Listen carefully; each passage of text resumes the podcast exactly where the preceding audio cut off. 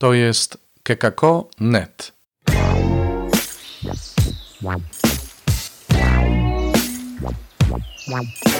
Poranny suplement diety.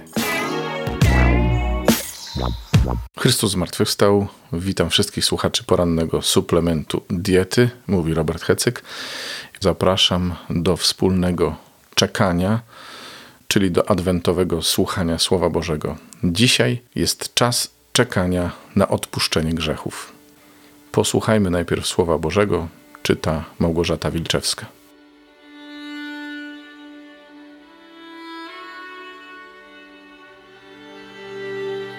Z księgi proroka Izajasza.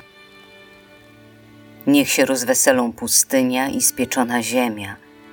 Niech się raduje step i niech rozkwitnie. Niech wyda kwiaty jak lilie polne, niech się rozraduje, skacząc i wykrzykując z uciechy.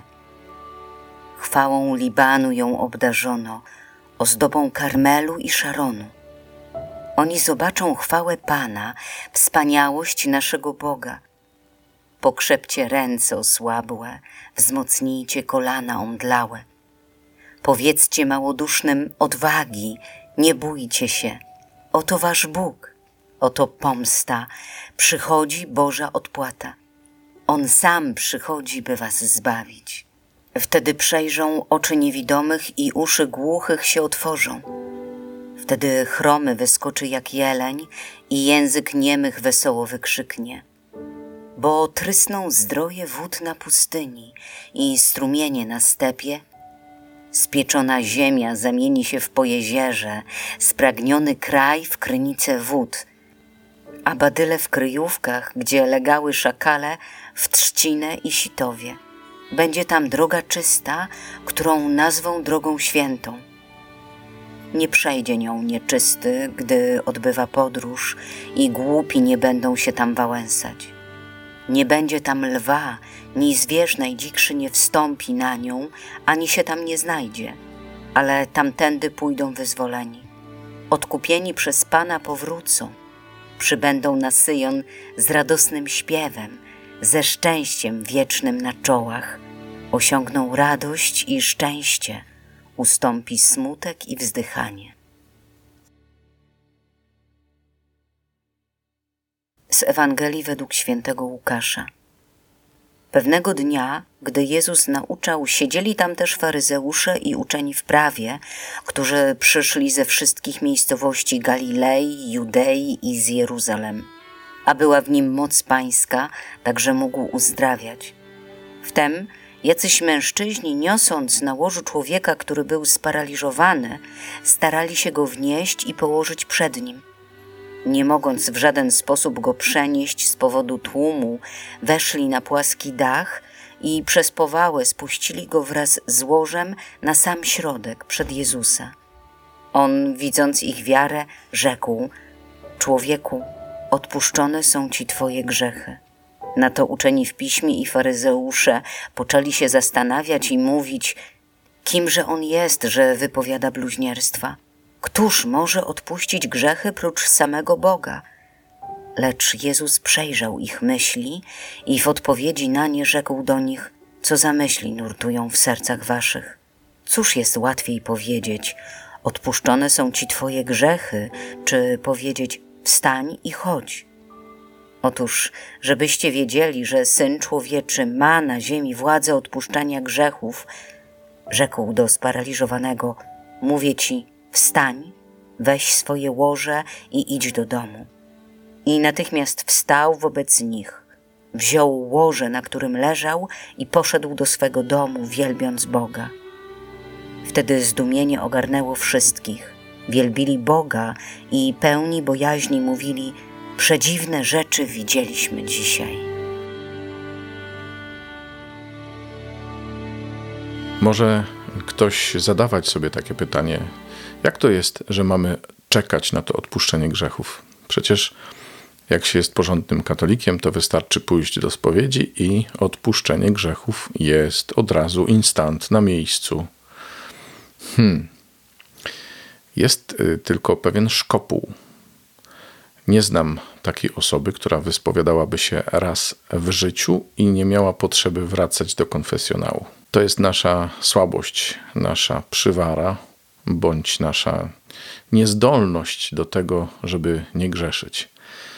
I nie mówię koniecznie o grzechach ciężkich, y, jak je przyjęło się nazywać, czyli świadomych, dobrowolnych i w rzeczach ważnych, bo jak się jest y, zaprzyjaźnionym z Panem Jezusem, to możemy y, nawet w miarę, w miarę sobie z nimi poradzić. I, I, są takie osoby, które tych ciężkich grzechów nie popełniają.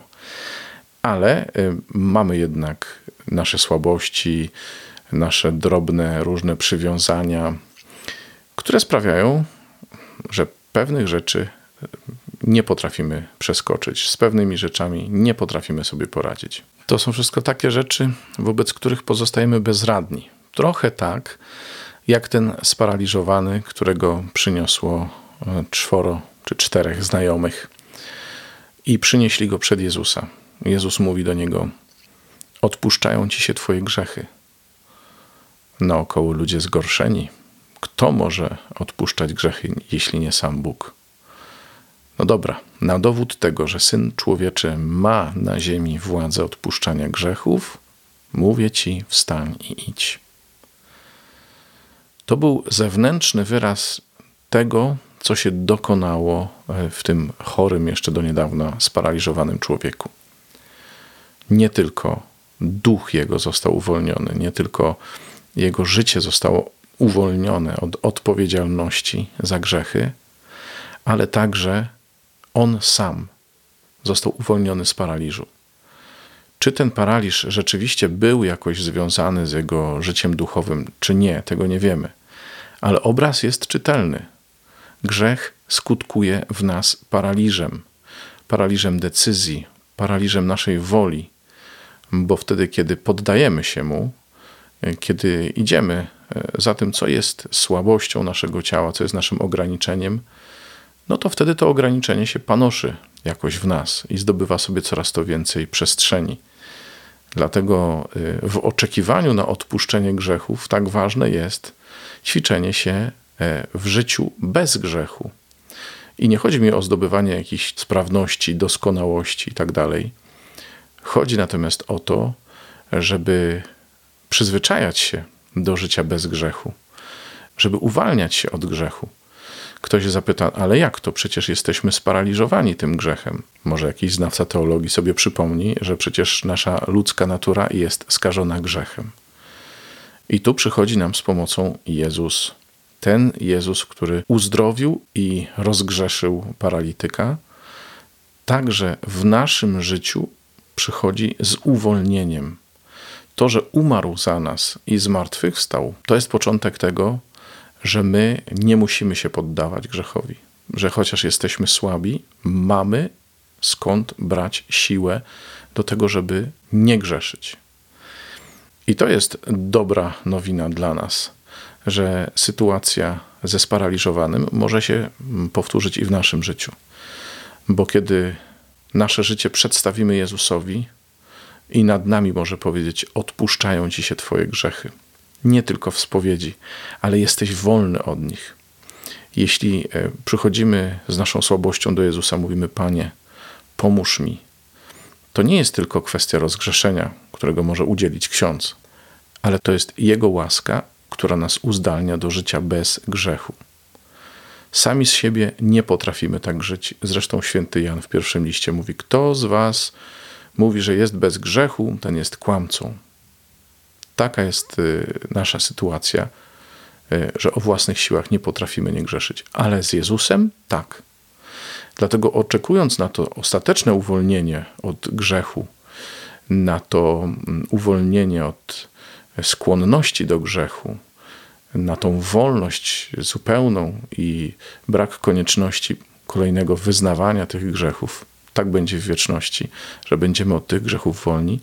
Dzisiaj chcemy przyjąć łaskę Jezusa. Chcemy powiedzieć: Panie, ja przyjmuję dar Twojego zbawienia.